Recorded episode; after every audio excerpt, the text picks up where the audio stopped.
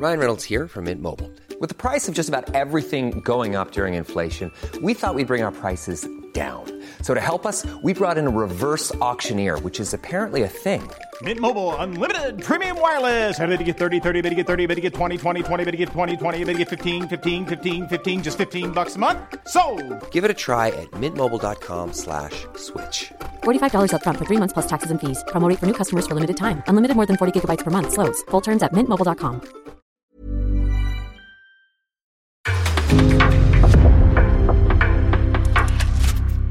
En podcast från Aftonbladet.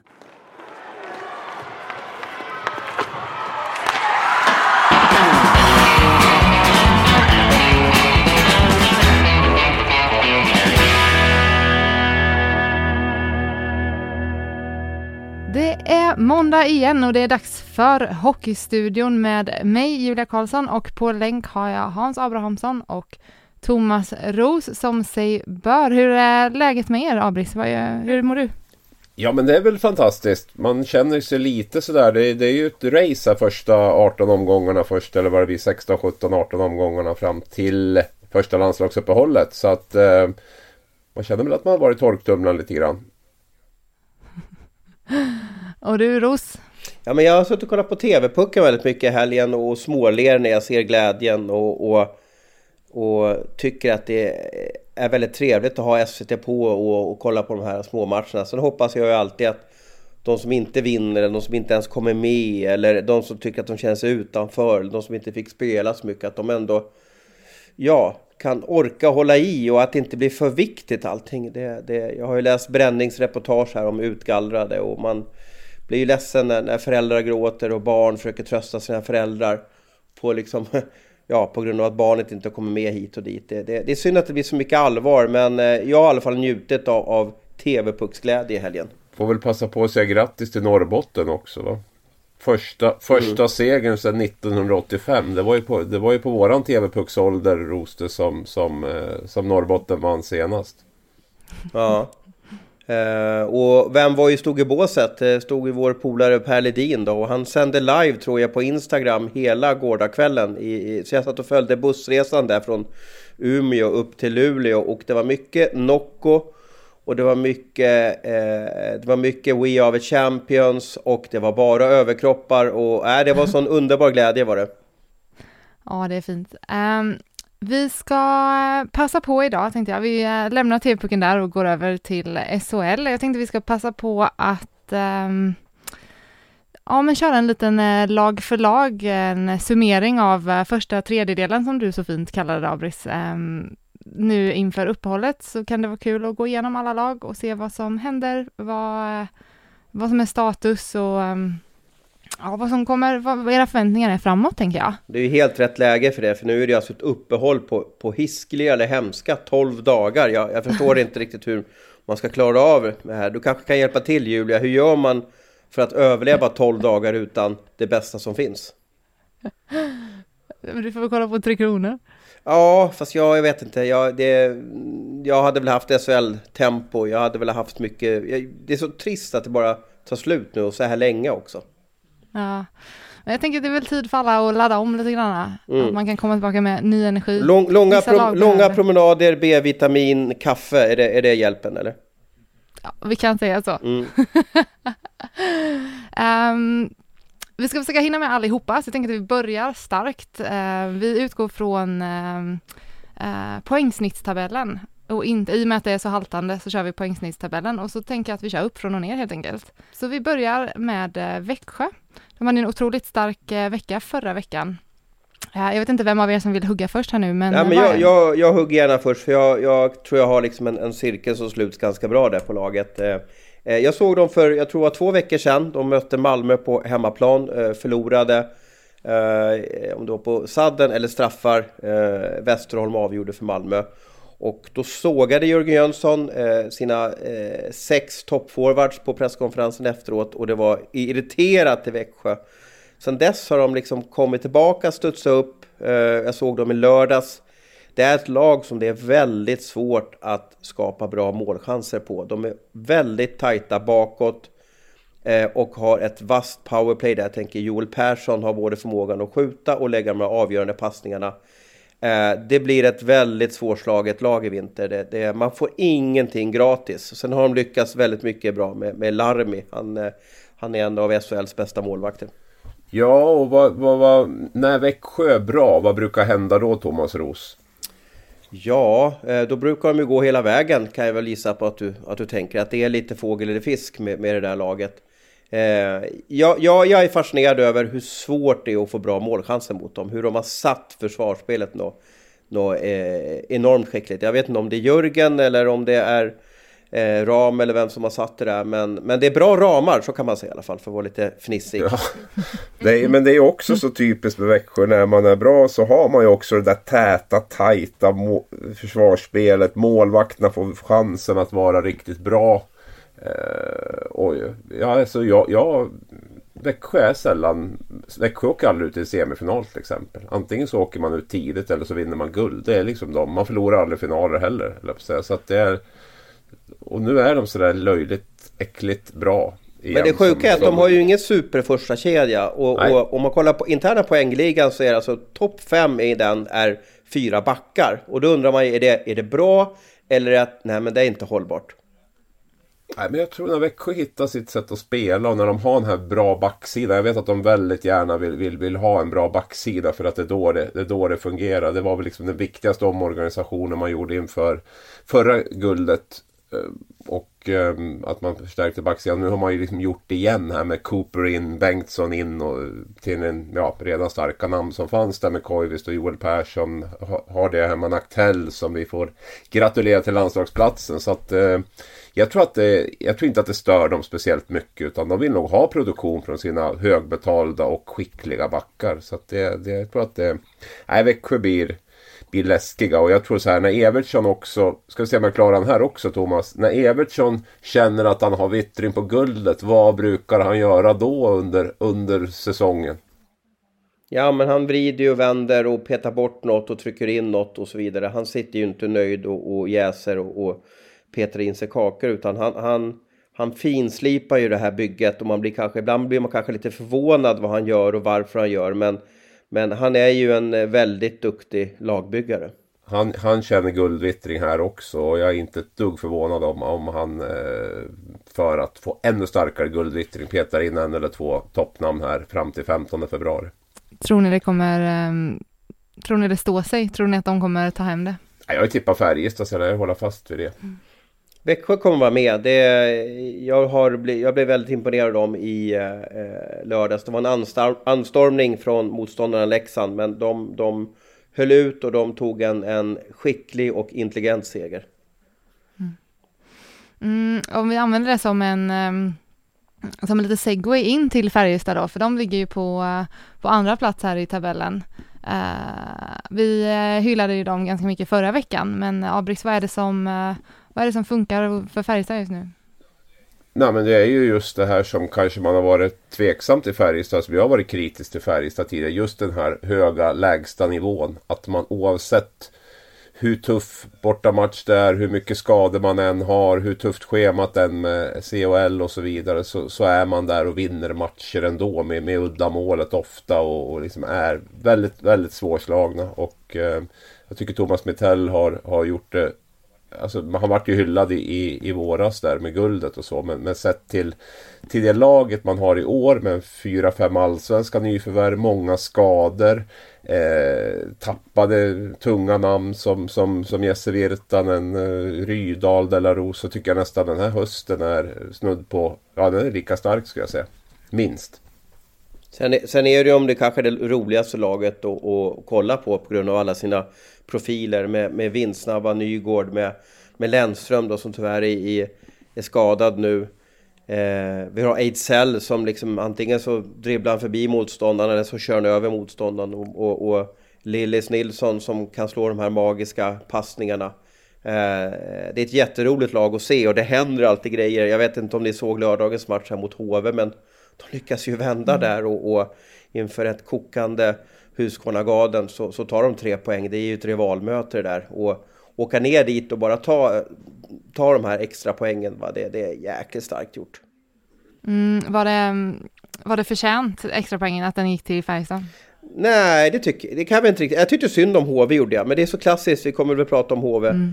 eh, senare. Det är alltid sådär, när, när det grinar och blåser emot, ja men då blir det sådär. Och, och precis på en lördagkväll mot Färjestad, så till slut så torskar man. Eh, man torskade ju på fulltid ska vi vara tydliga och eh, berätta också. Färjestad gjorde ju två mål i sista perioden.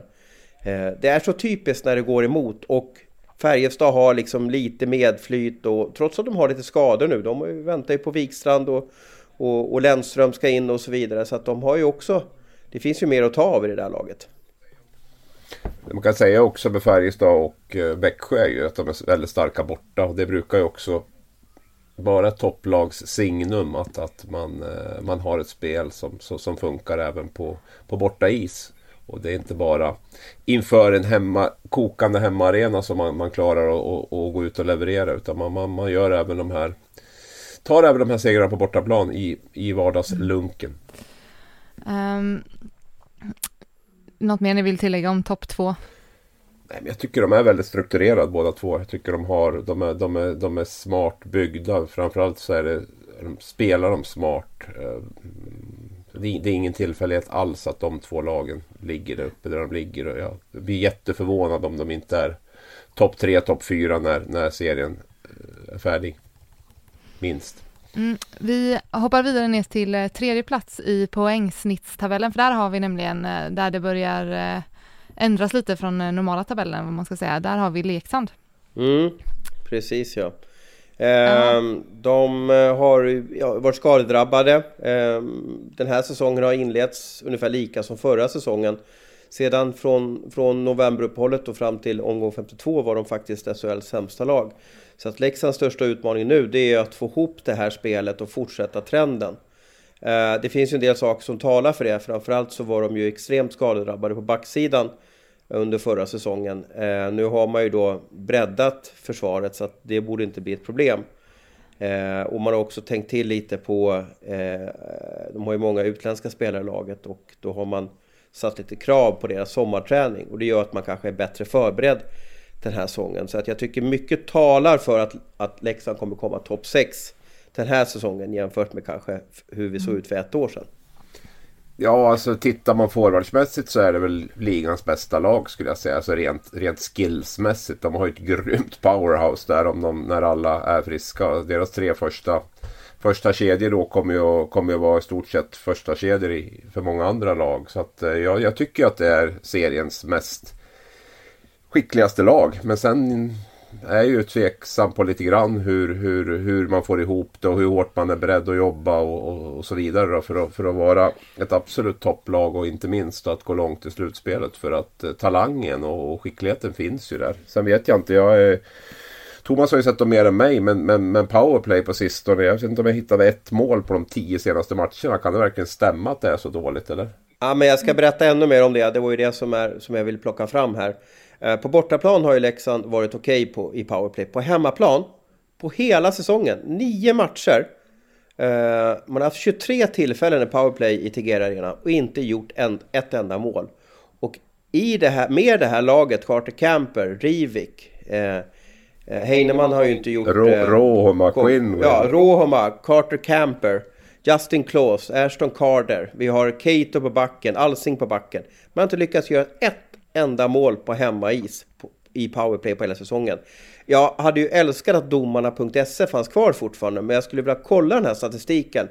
Ja, i, min, I min bok, bara lite så här snabbt, så jag vet inte om det kan ha skett. För att på hemmaplan så får man lite mer powerplay, man känns lite mer trygg, man känner sargen, man känner isen. Det är ju där man tränar powerplay på den här liksom ytan och ändå får man inte ihop det. Det är för mig det, det mest otroliga jag har sett den här säsongen. Sen kan man ju också säga att det finns en uppsida i det hela. Att, ja, men över tid, som du brukar säga Abris, över en hel säsong så kommer man hamna på över kanske 20 procent, eller runt 20 procent i powerplay. Eh, och då, då, då kommer ju målen ramla in och då kanske man, hade man slagit Växjö i, i lördags. Men det är väldigt speciellt, för jag satt ju och räknade på det här och, och hade tänkt att vinkla på det. Uh, och sådär. Men, men 23 powerplay på hemmais, 9 matcher utan ett mål. Det är magiskt. Eller fascinerande hur, hur puckuslingen inte kan gå in. Nej, och som så skickliga spelare. Det är ju en sak om man, om man hade haft ett lite trubbigt lag och liksom varit bottenlag och sådär. Men, men, men eh, det gör ju det ännu mer anmärkningsvärt. Och eh, det är klart, ligga trea i snitttabellen ska vi säga och eh, ha ett så dåligt eh, powerplay. Det finns ju definitivt sparkapital där och när man har de skickliga spelarna så är det väl bara en tidsfråga innan det Innan det lossnar. Jag tror man ligger på De har ju lite för många speldoser. Det är lite för mycket flippmackor. Det blir liksom in, inte så rakt liksom. Det är väl ett problem. Mm. Mm, om det skulle lossna riktigt ordentligt då, hur bra skulle de kunna bli? Ja men de har ju en jätteuppsida och mm. när vi spelar in det här så har ju precis då på grund av tidsskillnaden eh, San Jose Barracudas match färdigspelats här i farmaligan och återigen så då är Max Verino, fjolårets säsongens målkung, petad utanför laget. Det vill säga att det är 12 forwards i San Joses organisations farmarlag som är rankad före Max just nu. Och det här innebär ju att det är extremt stora chanser att Max Verino dyker upp i Leksand inom, inom kort. Mm. Vad ska de göra av alla? De får börja och, och, och göra sig av med någon snart då i så fall. För det kommer bli, trång, det kommer bli trångt där. Och det gäller att satsa rätt för Björn Hellkvist. Vilka nio forwards ska han satsa, med, satsa på? Eh, krigarkedjan där med Karlsson och Knuts är väl givet i en fjärde kedja då. Vem, vem hade han gjort sig av med tror ni i så fall? Uh, jag tror att just nu så John Keenwill ligger nog lite pyrt till uh, och kanske blir utlånad. Samtidigt så skador sker ju under säsong. Nu har ju inte Leksand Champions Hockey League men, men man måste ju ha ett brett lag. Men jag har svårt att se att uh, många av de här stjärnorna ska få sitta på läktaren. jag tror inte man accepterar det eller vill det eller orkar det. Nej.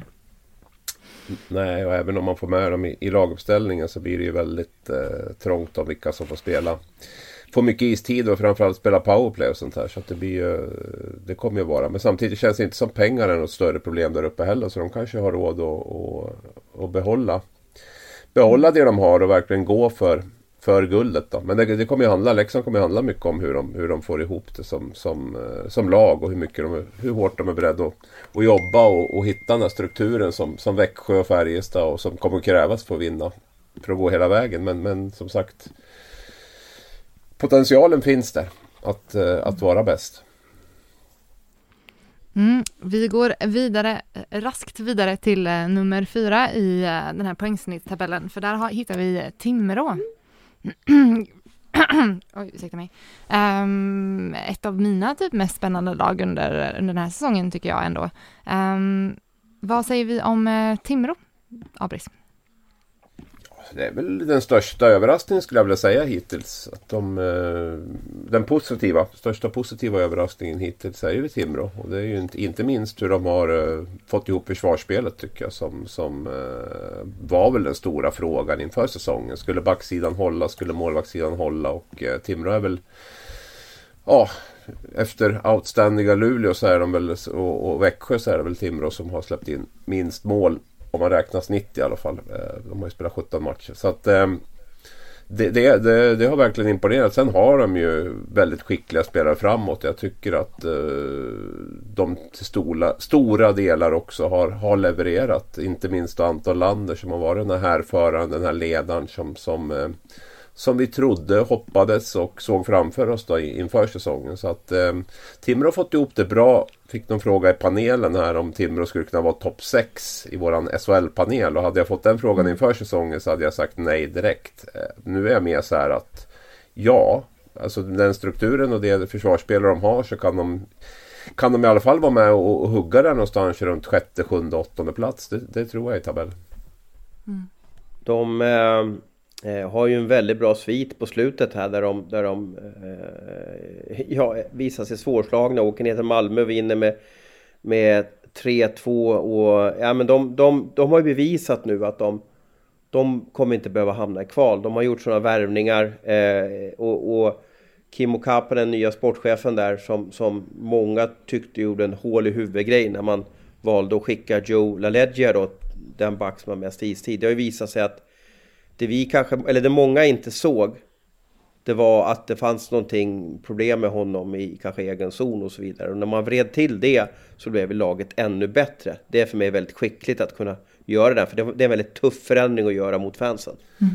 Det kanske säger lite grann om vilket lag Timrå vill vara. För LaLeggia är ju en väldigt skicklig offensiv spelare. Men, men han har ju brister i egen zon och, och kan vara lite slarvig och, och, lite sådär ibland. Och det kanske var en tydlig markering också vilket lag. För jag trodde nog mer att Timrå skulle vara ett lite så här varannandagslag. Skickligt i powerplay de dagar det stämmer så, så när stjärnorna är på rätt humör så, så kommer de att vinna matcher. Men, men de har verkligen blivit det här svårslagna laget som, som du var inne på Thomas. Där, där man liksom, det, det är inte så flashigt och sådär utan Men man är med i alla matcherna, man är stark på bortaplan, man, man, man vinner de där. Lite det där vi pratade om med, med Färjestad och, och Växjö. Det är lite Timrå är lite Färjestad-Växjö light kan man säga.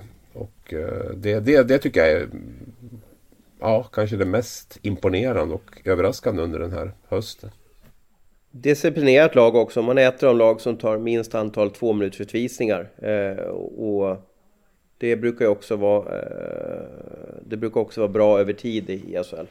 Sen tror jag Kappanen behöver få in en back till. Det känns som de har haft maximal flyt där också med skador och sådär. Så att jag tror att de behöver, behöver nog bredda där definitivt på, på, på backsidan. Men det, det är jag övertygad också om att man är ute och, och tittar på. Ja. Det finns väldigt få spelare på marknaden. Jag pratade med några agenter här i, i helgen och eh, jag trodde att många från Nordamerika skulle liksom välja att, ja, när man inte får plats i, i AHL eller, eller, eller East Coast eller någonting sånt där. Eh, men pandemin har gjort att många har respekt för att byta världsdel. Det vill säga att man tycker att det är lite oroligt i världen så att man, man väljer att hålla hemma. Sen har lönerna i farmalagen, eller farmaligorna ökat. Och det gör ju att det kanske inte är lika attraktivt att åka över till Europa. Så jag, jag tror inte att den här gottepåsen med nya spelare kommer vara så gigantisk in, intressant och häftig den här säsongen. Nej, det spekuleras ju en back som Olli Jolevi har ju spekulerats i att han är på väg till SHL och sådär. Han, han gnuggar ju på i San Diego Gulls där fortfarande så vi får väl se. Ja, och kolla hans, kolla hans poängsnitt så han öser ju in poäng också och då, då, då tycker nog han att det är lite små, småtrevligt att vara där borta. Han har gjort fyra poäng på fem matcher. Så att det är väl det. Ja. Ju, håller han det snittet så, så kommer det att gå. Kommer han att landa högt och kanske även få chansen i, eh, vad, vad tjänar han? En 175 000 dollar va, i, i, i farmen. Så blir det 2 miljoner eller? Något sånt. Ja. Jag kan, ta upp, jag kan ta upp här och se vad han har för något. Jag tror han har 170. ja, ja, ja, precis, 175. precis. Ja, vi får se om det är mm. en... Kimmo Kappanen har väl, eh, har väl företrätt Juolevi. Han var ju agent innan han blev sportchef i i Timrå. Mm. Och Vancouver har ju inlett den här säsongen lite sådär så vi får väl se eh, hur det blir om han får... Eh, nu kanske inte han tillhör Vancouver längre. Anaheim. Jag vet inte Anaheim. Är det Anaheim till och med? Ja. ja, de har väl inte heller inlett säsongen så bra så att eh, då finns det ju chanser där.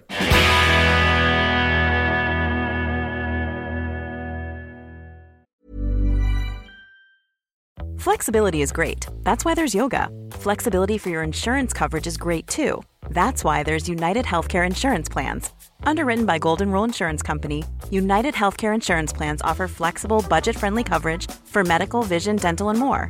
One of these plans may be right for you if you're, say, between jobs, coming off your parents' plan, turning a side hustle into a full hustle, or even missed open enrollment. Want more flexibility? Find out more about United Healthcare Insurance Plans at uh1.com.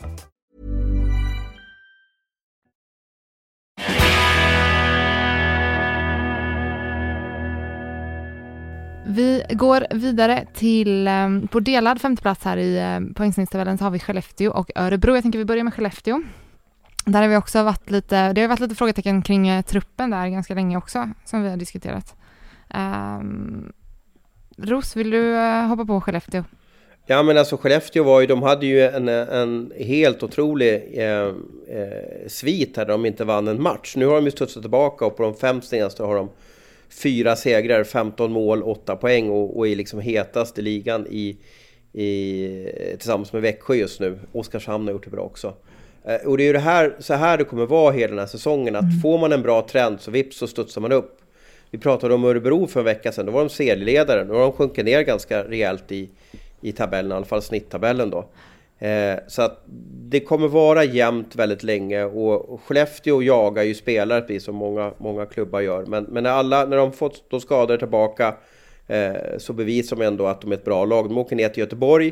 Nu är ju Frölunda kanske liksom ett speciellt lag att möta på hemmaplan för att de verkar ju liksom ha dålig form och fansen är missnöjda och så vidare. Men åka ner till Göteborg och vinna med 4-1, det är ju kvalitet för, för mig. Mm. Skellefteå är väl tillsammans med Leksand kanske det mest offensivt skickliga laget skulle jag säga.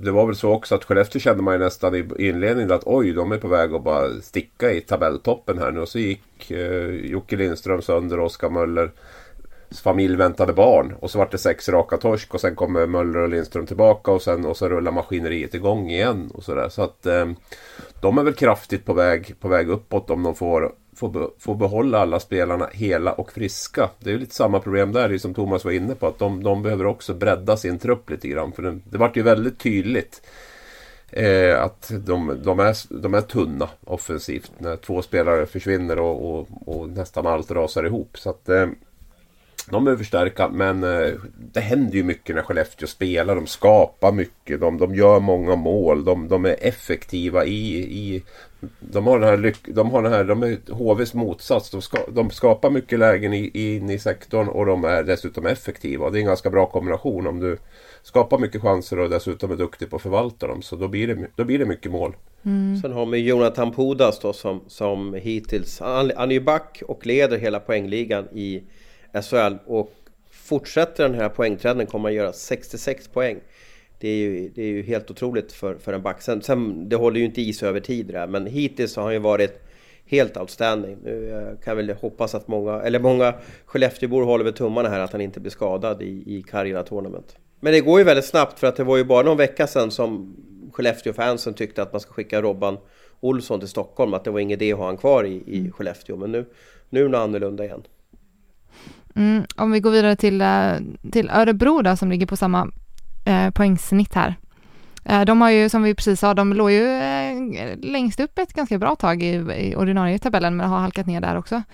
Um, hur ser utsikterna eller framtiden ut för Örebro? Nej, men vi var väl inne på det i förra avsnittet där att det är väl det lag som har mm. överpresterat mest under hösten och framförallt då, då när, de, när de ledde tabellen. Nu vart det väl förluster uppe i norr där mot, mot Skellefteå och Luleå va? och um, jag tror ju att Örebros varken spel eller statistik talade ju för att man skulle vara liksom ett topp top tre lag och det tror jag inte man kommer att vara heller. Däremot så har man ju gjort det förbaskat bra som ligger delad femteplats då i snitttabellen. Det tror jag man är mer än nöjd med. Nu är det ju tufft. Nu fick man Emil Larsson skadad här uppe i Luleå. Man har Petrus Palme på ja, en frysbox med 34 minusgrader i ungefär. Jag såg att Niklas Eriksson hade uttalat sig i någon intervju efter den senaste matchen mot Luleå. Och, eh, Spelar Palme mer i Örebro blir jag jätteförvånad måste jag säga. Under Niklas Erikssons ledning i alla fall. Och eh, på tal om tunna trupper. Örebro har ju en tunn trupp. Och tar du bort de två tilltänkta toppspelarna där med Larsson. Vi vet ju inte riktigt hur länge han är borta. Men, men en knäskada kändes ju inte jättepositivt sådär.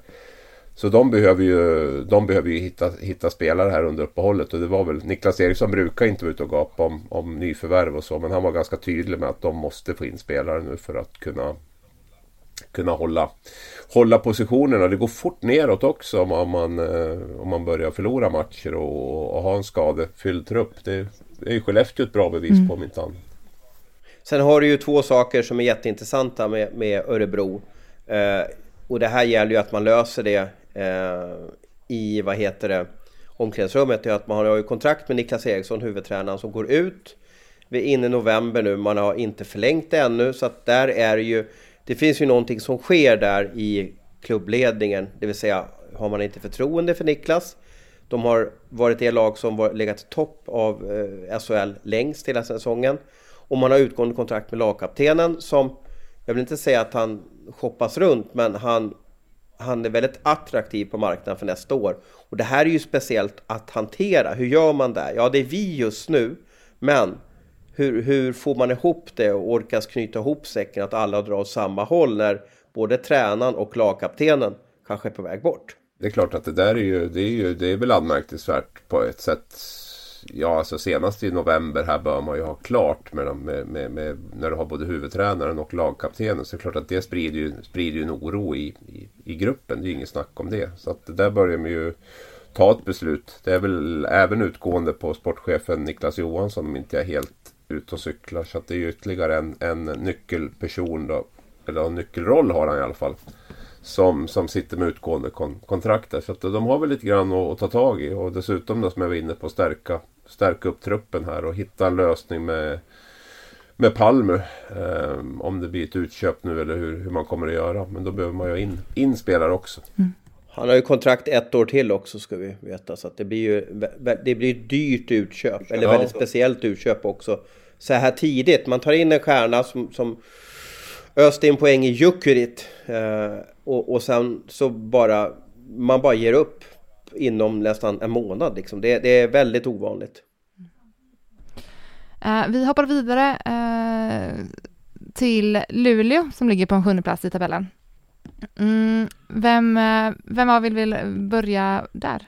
Ja, men jag kan väl tycka att Luleå är en lite besvikelse den säsongen. Visserligen så har man ju tappat eh, Omark och det är, det är ju ett tufft tapp då. Eh, sen har det varit mycket snack och tjafs runt Luleå. Jag tänker på Kinnemin och, och sådär. Jag vet inte om det har stört laget riktigt men eh, eh tycker inte riktigt jag känner igen... Alltså Luleå har alltid för mig varit de här, eh, det här svårslagna laget som, som, som... Det känns som att lagen hatar att åka upp och möta Luleå nu. Så den känslan har jag inte fått den här säsongen. Sen har ju powerplay inte fungerat bra. Man är ju näst sämst i ligan där. Eh, och har ju faktiskt gjort minst mål då. Man har ju inte fått lika många... Nej, Leksand har gjort färre mål. Fem mål. Men Luleå har bara gjort sju mål i powerplay. Och där var ju säkert Omark jätteviktig i den här spelformen. Att, att slå den här avgörande passningen. Ja, nej, jag såg också. Jag tror Luleå, vad hade man? Man har gjort noll mål på de sju senaste i powerplay. Så det, det, är ju klart att det är ju ett jätteproblem. Man gör ju väldigt få mål överhuvudtaget. Jag tror att det är HV bara som har gjort, gjort färre mål än, än, än, eh, än vad Luleå har gjort. Så att eh, man har ju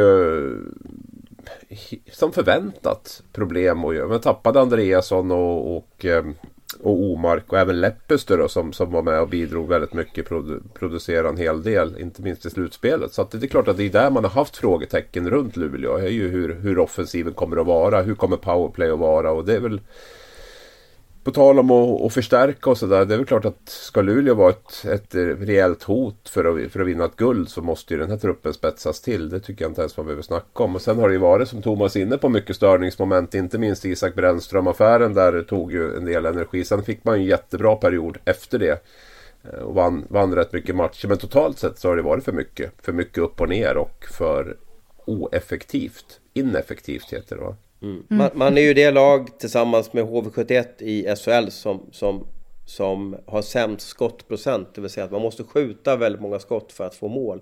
Och det handlar ju i min bok om en skicklighet. Det vill säga att man, man har inte tillräckligt skickliga forwards för att göra mål.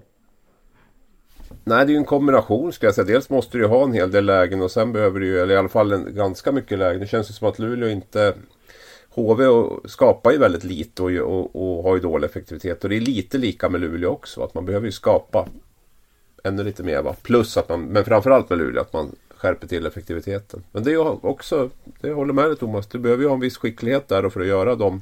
Det är ju inte så att Växjö har något tok höga siffror när det gäller liksom farliga chanser. Inte Timrå heller för den delen. Men de har skickliga spelare som sätter dit dem. Så det, det, det gör skillnad. Du ska veta också att eh, man har ju Joel Lassinantti som storspelare. Han har spelat i, i, i, han har deltagit i 16 av Luleås 17 matcher. Det är ju också ett, ett helt otroligt facit. Det vill säga om han skulle gå sönder så undrar jag vad som sker.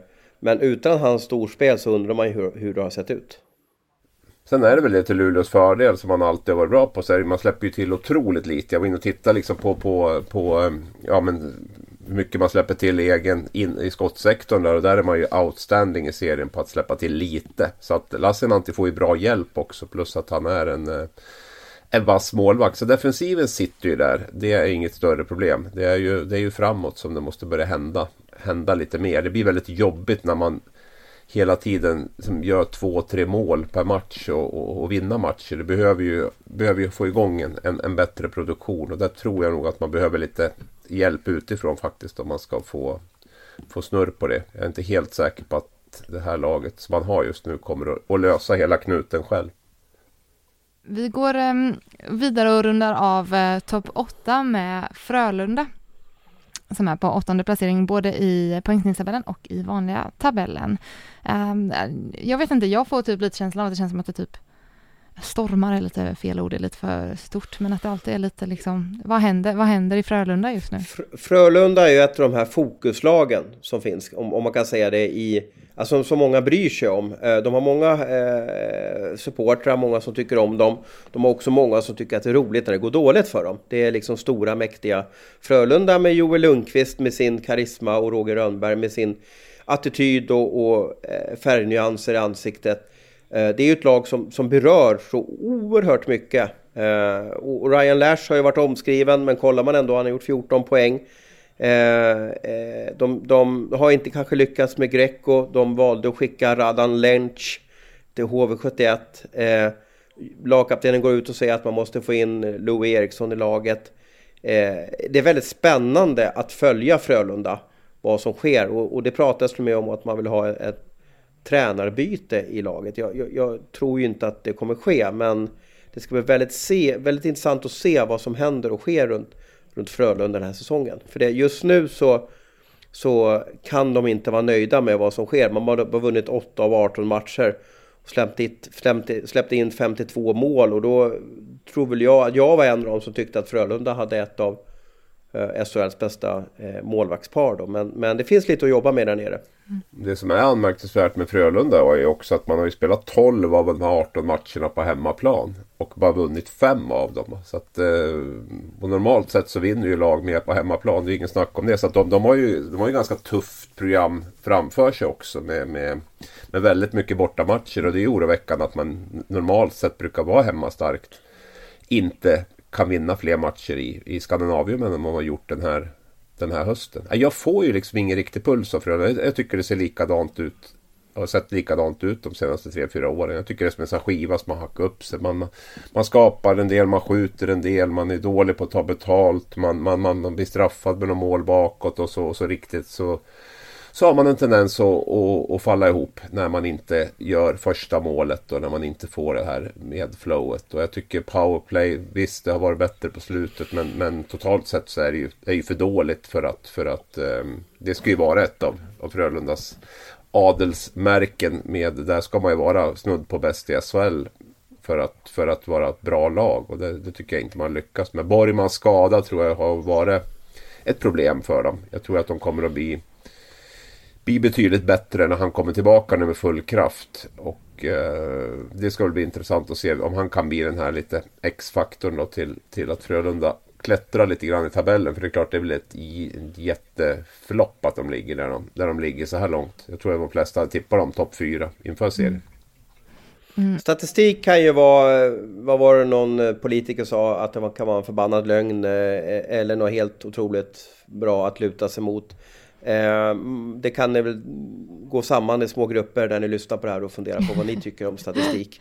Men det som är intressant om man kollar på den offensiva statistiken med Frölunda det är att de, har, de, de är totalt bäst eller sämst, beror på hur man ser det, på det som kallas för missed shots. Alltså skott som är blockerade eller skott som går utanför. Man har 536 skott eh, under rubriken MS eh, och det är ju helt otroligt. Alltså det finns inget lag som har över 500 ens. Man, man, man har 60 skott mer än det lag som ligger tvåa, Skellefteå i den här formen. Och det gör ju att, ja men, ja man kan inte bara möta lag som är, som är bra att försvara sig. Jag, jag skulle också säga att det handlar om att man, man får inte iväg skotten vid rätt tillfällen och man saknar kanske en skicklighet eller en kyla i skottögonblicket. Mm. Ja, Frölunda har ju liksom varit högkorselag under, under, under alla år. Och inte fått något, något bra betalt för. Och det är samma sak i år lite grann. Att man, man skickar puckar liksom. Men, men eh, det, är dålig, det är mycket dålig kvalitet på, på, på mycket av det. Och det, det blir ett jobbigt sätt att spela tycker jag. Det blir ett ganska endimensionellt sätt att spela. Och jag, jag, eh, jag får ingen puls av det.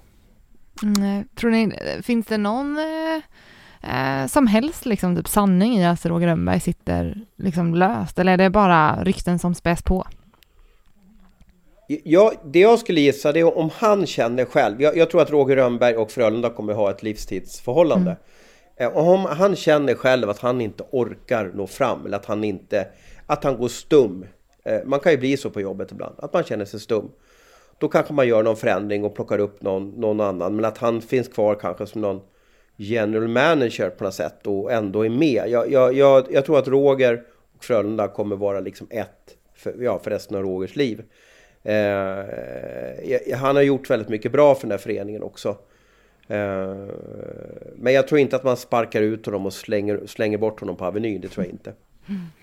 Ja, jag har jättesvårt att se att man bryter med Rönnberg under en säsong. Jag har jättesvårt att se att han själv skulle känna att han går tom eller att han eh, inte har det som krävs. Det tror jag absolut inte. Och jag har svårt att se om inte Frölunda skulle bli indraget någon typ av kvalstrid. Att det verkligen liksom är eh, kniven mot strupen. Det tror jag inte att det kommer att bli. Eh, och därför så tror jag att man kommer inte att skiljas med Roger under, mitt under en säsong. Det tror jag inte. I så fall är det ett beslut man kommer att ta mellan, mm. mellan några säsonger. Men det är en väldigt intressant vecka nu som kommer. Det här är ju första vattendelan som vi har på säsongen. För nu, nu eh, vi har spelat en tredjedel, det är uppehåll nu. Det blir typ alltid någon förändring, någon stor förändring kommer ske i SHL. Antingen att en spelare eh, skickas, eh, eller att en tränare får lämna, eller att en tränare blir degraderad, eller att en assisterande blir, till, blir uppflyttad till headcoach. Eh, om, om jag skulle vara hockeysupporter nu så skulle jag trycka på reload på Aftonbladets sajt eh, hela måndagen här. För att det, det, jag, jag, jag, skulle nästan kunna lova att någon stor grej händer idag. Mm. Eh, och när det gäller vad heter det, tränare som eventuellt får, um, får gå eller degraderas så känns det som att vi nu börjar komma in på de lagen där det kanske uh, där man kanske kan börja fundera över sånt, eller? Där det brinner mest, ja. Där det brinner mest, vi börjar komma ner till eh, botten, uh, bottensexan här, även om Linköping i ligger på åttonde plats i poängsnittstabellen här nu också tillsammans med Frölunda, så um, jag vet inte, krisstämpeln kanske är lite större där, men vi, vi går till Linköping, vem vill, vem vill vem vill börja? Jag kan börja.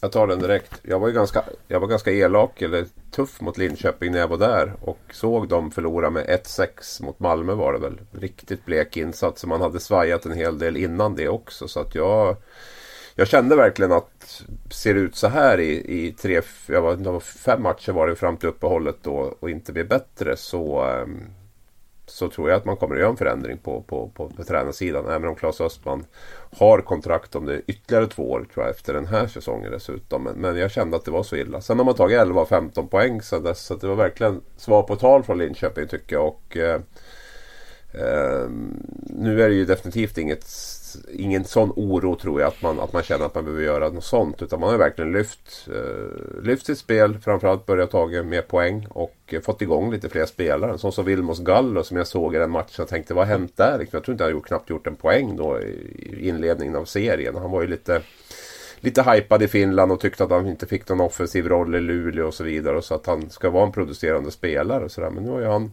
blixtrat till med fyra mål på de fem senaste. Mm. Brock Little har kommit in och gjort fyra mål på de fem senaste och sådär. Så att um, det ser bättre ut för Linköping. Man fått tillbaka Oskar Fantenberg som var skadad och så. så att, um, krisen är inte över, eller faran är inte över så. Men, men, men det ser betydligt bättre ut nu än vad det gjorde för fem matcher sedan.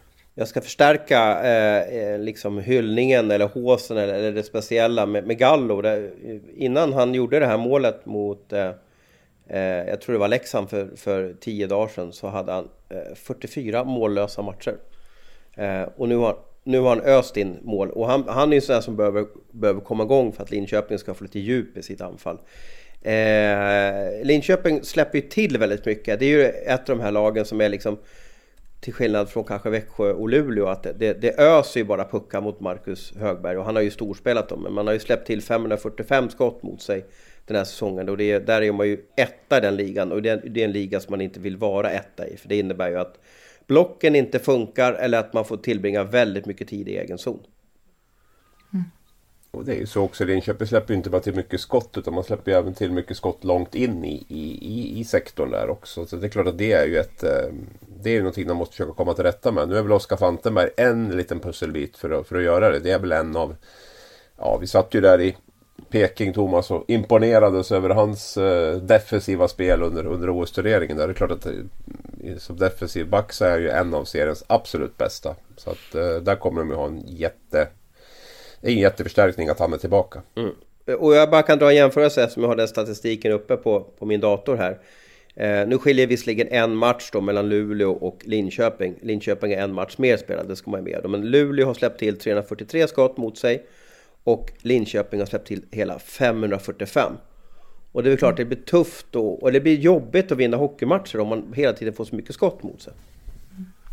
Ja, nej, det, de, de, de, behöver, de behöver hitta ett sätt att minimera både skott totalt och även skott in i det, i det farliga området där. Och, eh, men jag tror att man, man har lite skön känsla i alla fall i Linköping nu under, under uppehållet här. För det, jag, tyckte såg, jag tyckte det såg riktigt mörkt ut. Och nu fick man med sig det här inför och det tror jag betyder mycket. Få lite arbetsro. Marcus Ljung kommer kanske tillbaka här efter uppehållet också. Så, där, så att man, eh, man kan spela med det tilltänkta laget. För det kommer man att behöva. Framförallt som jag tycker att många av nyförvärven har, eh, har floppat. Eh, med Matå inte minst. Men även Tyratti har väl inte varit kommit till riktigt och sådär heller. Så att de, de, eh, de behöver få tillbaka dem. De, de, har alla spelare tillgängliga. För annars blir det tunt när man inte har lyckats med nyförvärven heller.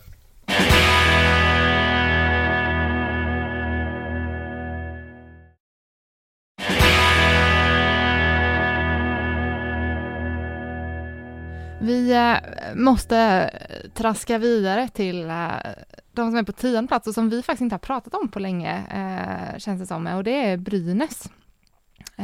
Ros, vad, vad händer i Brynäs? Ska jag börja på Brynäs? Ja, eh, alltså. Nej, jag vet att Abris kommer fylla i eh, med, med, med, smarta infallsvinklar på Brynäs. Men Brynäs är för mig det här laget som jag, jag vet inte, jag tycker att det är så mycket strul nu och nu ska nu vill eh, eh andremålvakten, eller en av de två första målvakterna Veveleinen, nu, nu vill han lämna, han gått ut och sagt. Eh, jag tycker att det är så mycket strul hela tiden runt, runt Brynäs eh, och lite småkonstiga saker som händer. Och det är ju ett av de här upp och nerlagen som jag inte riktigt får, får kräm på vad det som inte, eh, vad som inte funkar. Jag såg Johan Larsson i en match här, ja, det var väl i torsdags, då var han helt, helt magisk och lysande. Jag tror han gjorde tre mål på, det var borta is mot, mot Luleå om jag minns rätt där. Eh, upp och ner, man vet inte vad man har dem. Eh, det, kan, det kan bli kval för Brynäs, men det kan lika gärna bli en plats på en sjunde eller åttonde plats för dem.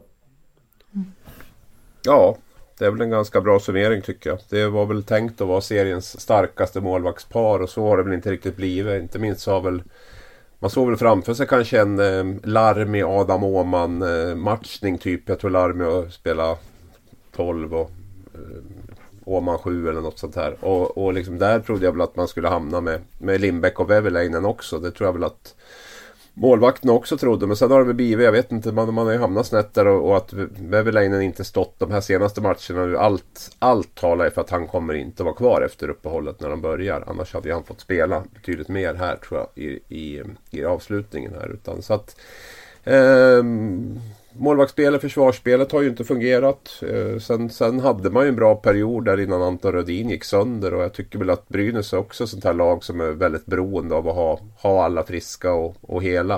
Det var både Rödin och Bertilsson borta här sista matcherna före, före uppehållet och jag tycker att det blir kännbart. Inte minst Rödin är ju en sån där hackkyckling som alla tycker är helt värdelös och dålig kapten och allt vad det är. Men, men när han inte är med så tycker jag att det märks, eh, eller alla, jag säger Brynäs-fansen nu ska vi säga, tycker det. Han har ju lite så här vågdelare där. Men jag, jag, jag har ju alltid tyckt att han, att han bidrar väldigt mycket offensivt. Och jag, jag tycker att det har märkts nu också när han har varit borta de här 5-6 matcherna att man blir, man blir tunnare.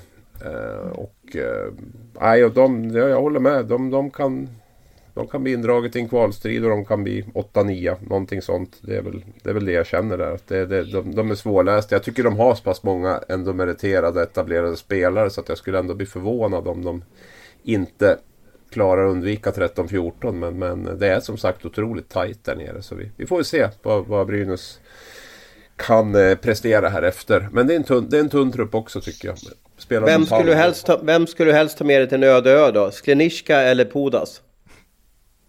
Ja, jag tycker att Pudas har ett större register, det måste jag säga. Sen har ju Sklenicka varit bra. Men, men, men jag tycker att, jag tycker att Pudas alltså offensiva uppsida är ju, är ju högre. Så att för mig är det ju liksom, tycker jag att Lennström och Pudas är i en, i en klass för sig när det gäller backspelet. Även om Anton Lindholm har varit bra. Sen kommer väl Sklenicka efter, strax efter det. Han har varit, det var en positiv överraskning, absolut. Men, men ehm, för mig är han väl en tvåvägsback som, som, eh, som har fått ganska bra utdelning på produktionen så här långt. Då. Men, men ehm, ja, det är fler som behöver, kliva fram där. De har väl lite så här Timashov och Palve också. Framförallt Palve. Det är ju, det är ju skickliga offensiva spelare men det, det, det händer ju för sällan liksom. Va, som de är med och, och, och bidrar tyvärr.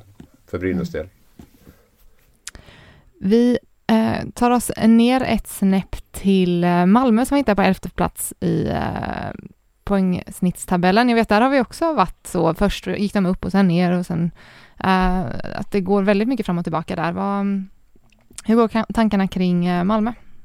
Lite svåranalyserat lag tycker jag Malmö. Jag, jag, tycker att de har någonting. Jag tycker ändå att man hittar liksom ett sätt att, att... Jag är lite förvånad att de inte har tagit fler poäng. Jag tippade dem på kvalplats. Så, att, så sätt är det inte det. Men när jag sett dem och det jag ser så tycker jag ändå att de, de har förtjänat lite mer skapar ju mycket framåt. Jag tror man skjuter mest av alla tillsammans med Leksand och Skellefteå och, och, och Frölunda. Liksom. Så att det, är ju, det, är, det händer ju grejer när de är inne. Så de har varit jättebra på, på bortaplan. Eh, fem segrar på sex matcher. Men däremot helt uselt då, då hemma. Med, de, de har spelat mycket hemma också. De har tagit en trepoängare på tio hemmamatcher. Så att det är ju...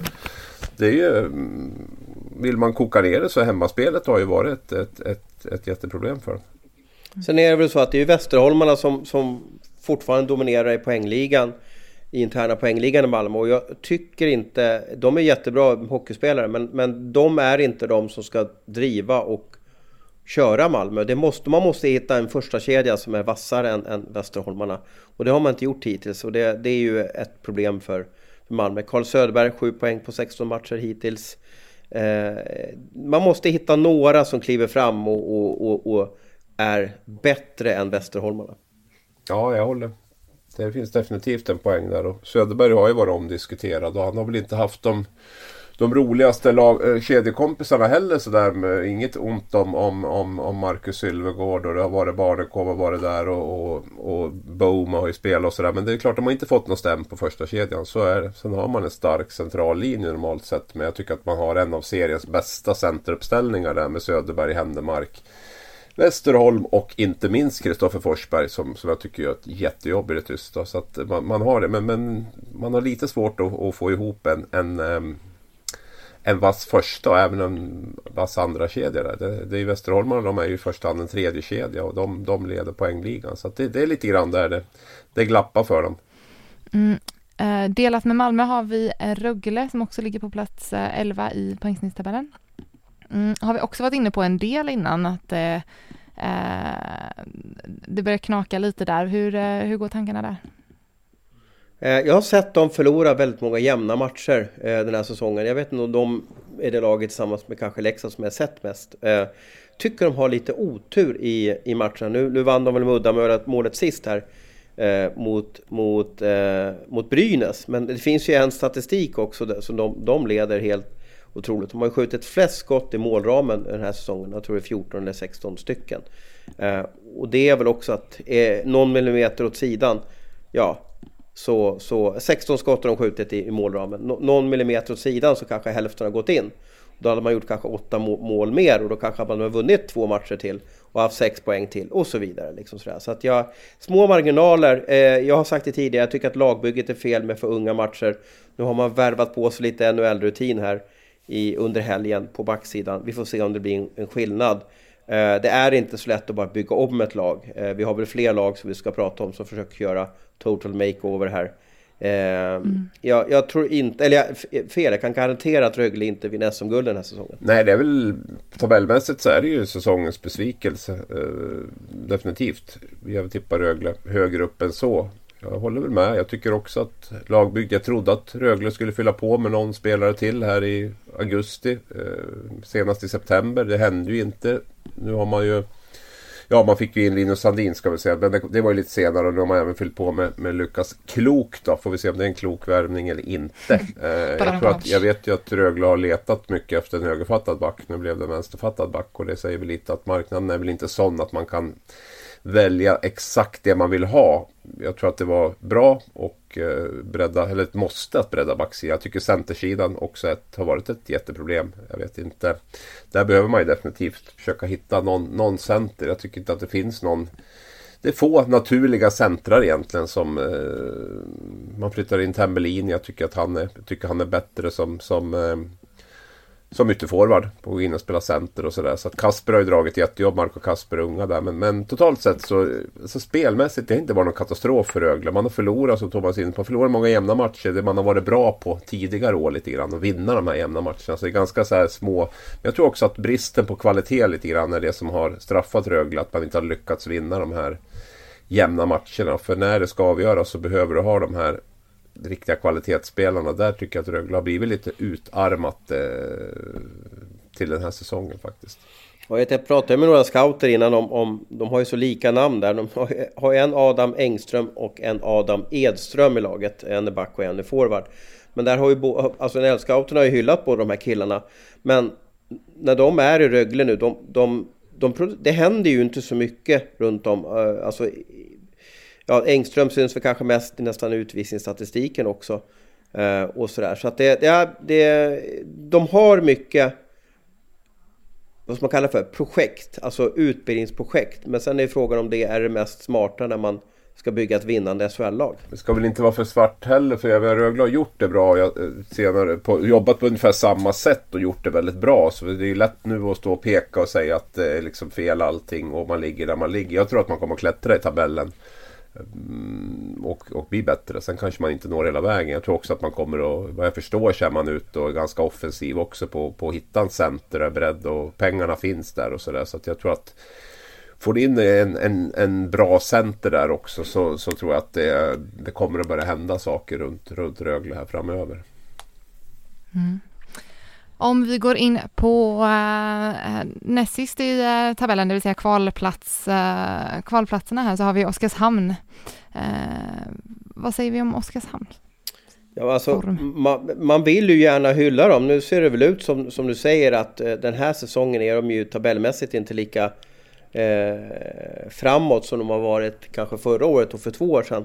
Men de har ju, det som är så oerhört intressant med dem, att de har ju den här som, som alla tror jag älskar, Patrik Karlskvist i laget som, som har gjort 11 mål mm. på, på 16 matcher och, och är den här rekordmagasinet, storyn kommer från Hockeyallsvenskan, ingen tror på honom. Eh, och så går han fram och kanske kommer vinna målligan i hela SHL den här säsongen. Man, man gillar ju sånt där och tycker att det är trevligt. Eh, eh, men, men någonting har skett i Oskarshamn det här året. Man får inte riktigt ihop det. Eh, alla har bara väntat också på att det här ska komma för Oskarshamn. Det vill säga att man, man, man tror inte att Oskarshamn mm, över tid klarar av att vara en allsvensk organisation och lag. Och nu blir det en utmaning att hålla i det här. Att se till att man, man klarar av och, och ja, ta kanske 1,20 poäng i snitt resterande matcherna för att slippa ett kval. Men, men som, som det ser ut nu så får jag en känsla av att Oskarshamn inte, och, och kanske Karlqvist kan ju inte orka producera som han gjort hittills. Det, det, är ju en utopi. Och det är frågan om vilka då andra som ska kliva fram och, och, och leverera i, i högsta ligan. Oskarshamns stora problem är att man släpper in för mycket mål. Man är ju ett av seriens eh, målgladaste lag. Jag tror bara det är Skellefteå som har högre målsnitt än, än, än, eh, än Oskarshamn. Man har seriens skulle jag nog vilja säga bästa första kedja med Suomela, Karlqvist och Oksanen där. Jag vet inte vad de är uppe i nu men det är väl en 50, dryga 50 poäng, nästan 60 poäng tillsammans de där tre. Så att eh, det är ju... Så att det kan jag väl vända till något positivt. Det är klart att backsidan var jag jättekritisk till förra säsongen och tänkte att det här kommer bara inte att gå. Ehm, men det fick man ihop på ett jättebra sätt. Nu, nu har man väl blivit lite mer avslöjad. Målvaktsspelet har inte varit på topp.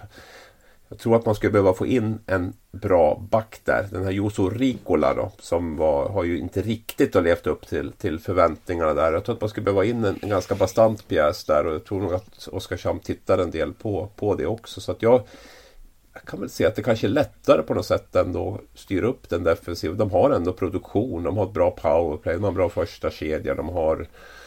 Ja, men lite det här som vi som vi har efterlyst på andra lag. Då, att en, en, en bra första kedja till exempel. Så jag, jag, jag, det är klart att det är lite Oskarshamn är lite i riskzonen med tanke på att man haft sådana här rivstarter tidigare och, och nu ligger man på en kvalplats så det kan liksom komma lite mer stress insmygande men det finns nog Jag tycker inte att det ser nattsvart ut där. Men vilket lag tror du hamnar i kval då om jag säger så då? Jag har ju tippat Malmö och, eller Malmö och Oskarshamn så det lär jag ju stå fast vid. Mm. Sen är jag ju inte alls... Eh, säker på att HV klarar att klättra sig ur den, den gropen Nej, och det gräva för sig vi, själv. vi, så vi, så att, jag kan ju vi, inte... vi kommer väl in på HV nu. Det, det, Ja, jag kan ju inte börja ändra efter 18 omgångar. Utan jag, nej, men jag har ju sagt Oskarshamn och Malmö då. Men jag är ju... Jag trodde inte att eh, Somel exempelvis skulle vara så himla bra som han har varit. Mm. Vi, eh, vi gör som Ros säger, vi kommer väl in på HV71 nu, för det gör vi faktiskt. Um, skulle, uh, där ser det ju desto mer nattsvart ut kanske. Vi skulle uh, kunna ha pratat ett helt program, 60 minuter om HV71. Uh, det finns ju en klassisk ramsa som, som, som många supporterföreningar och ståplats brukar, brukar använda sig av och det är ju det här sämre än Väsby. Ja, ni är sämre än Väsby. För Väsby har ju liksom rekordet i att göra en rekorddålig säsong i högsta serien. Eh, nu är ju inte HV71 sämre än Väsby, men man har alltså en seger. En ynka seger, alltså tre poängare på eh, de 16 första matcherna i, i SHL. Och det är för mig eh, helt otroligt. Och det måste vara så jobbigt för de som är inblandade här att försöka lösa det här. Jag vet om att, att de kommer göra allt. De kommer, de kommer göra en total makeover. För att pengar finns det, det är inga problem. Man vet också om att man var i det här läget för två år sedan.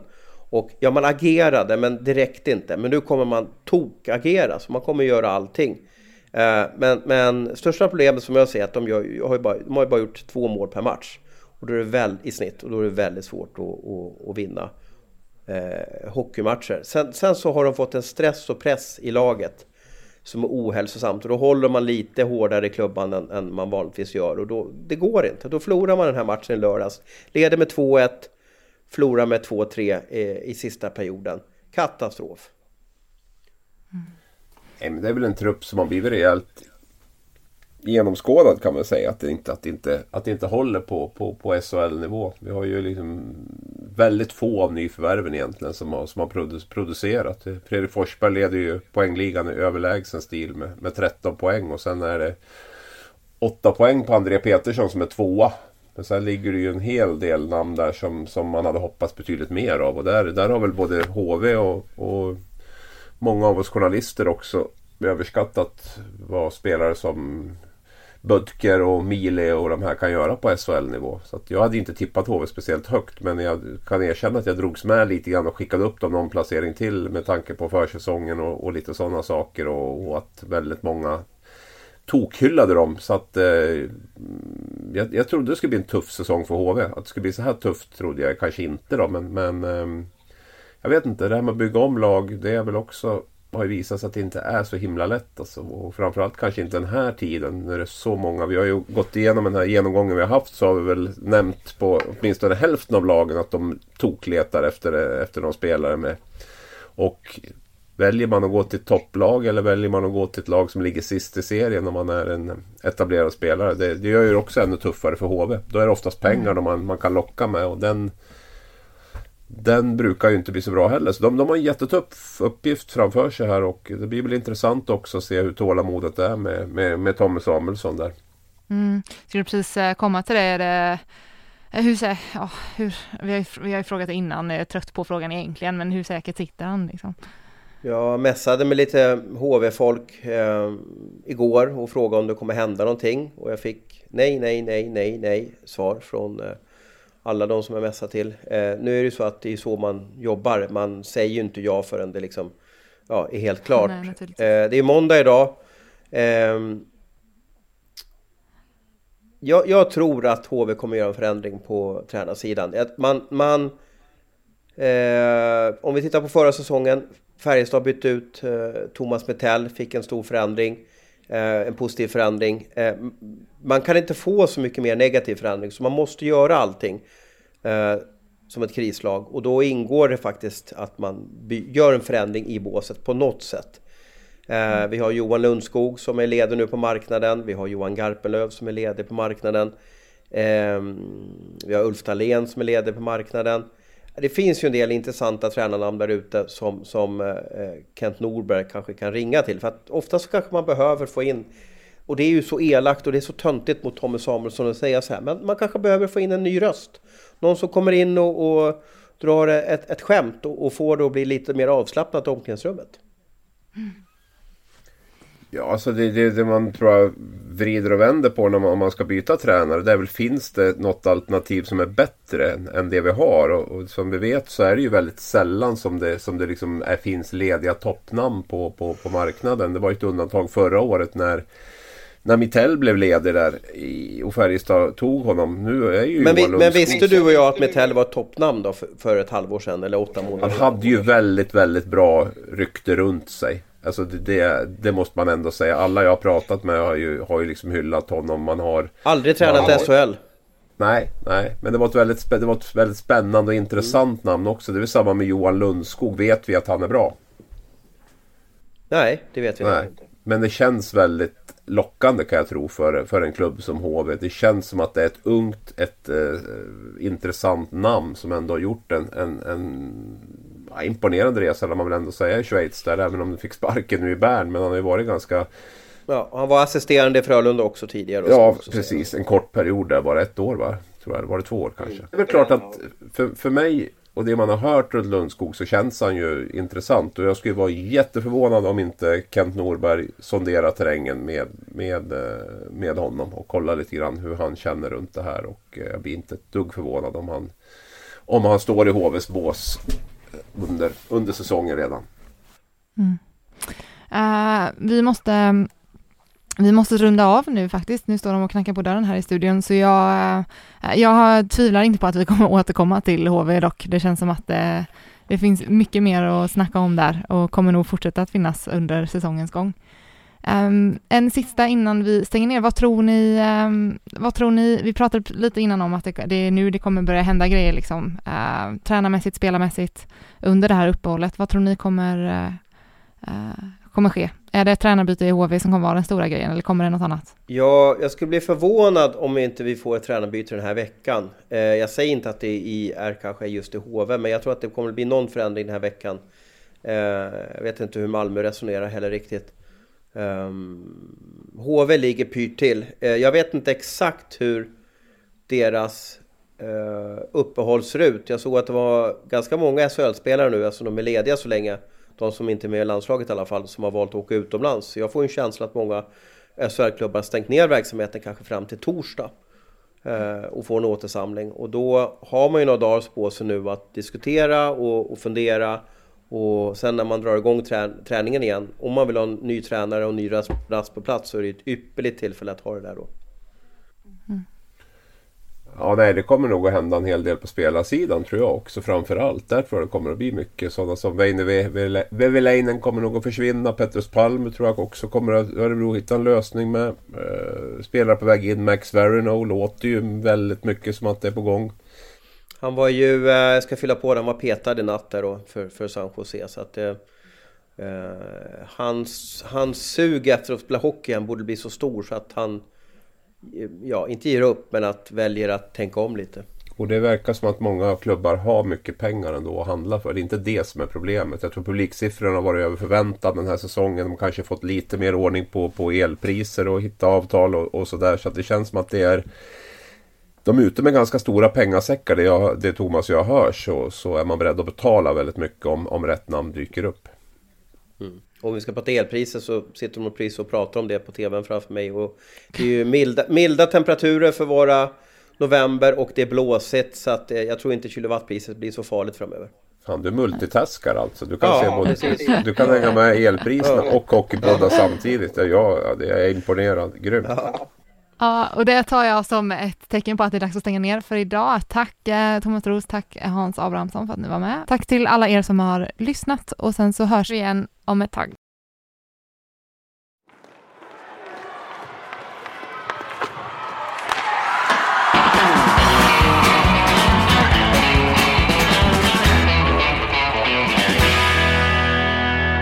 Du har lyssnat på en podcast från Aftonbladet. Ansvarig utgivare är Lena K Samuelsson.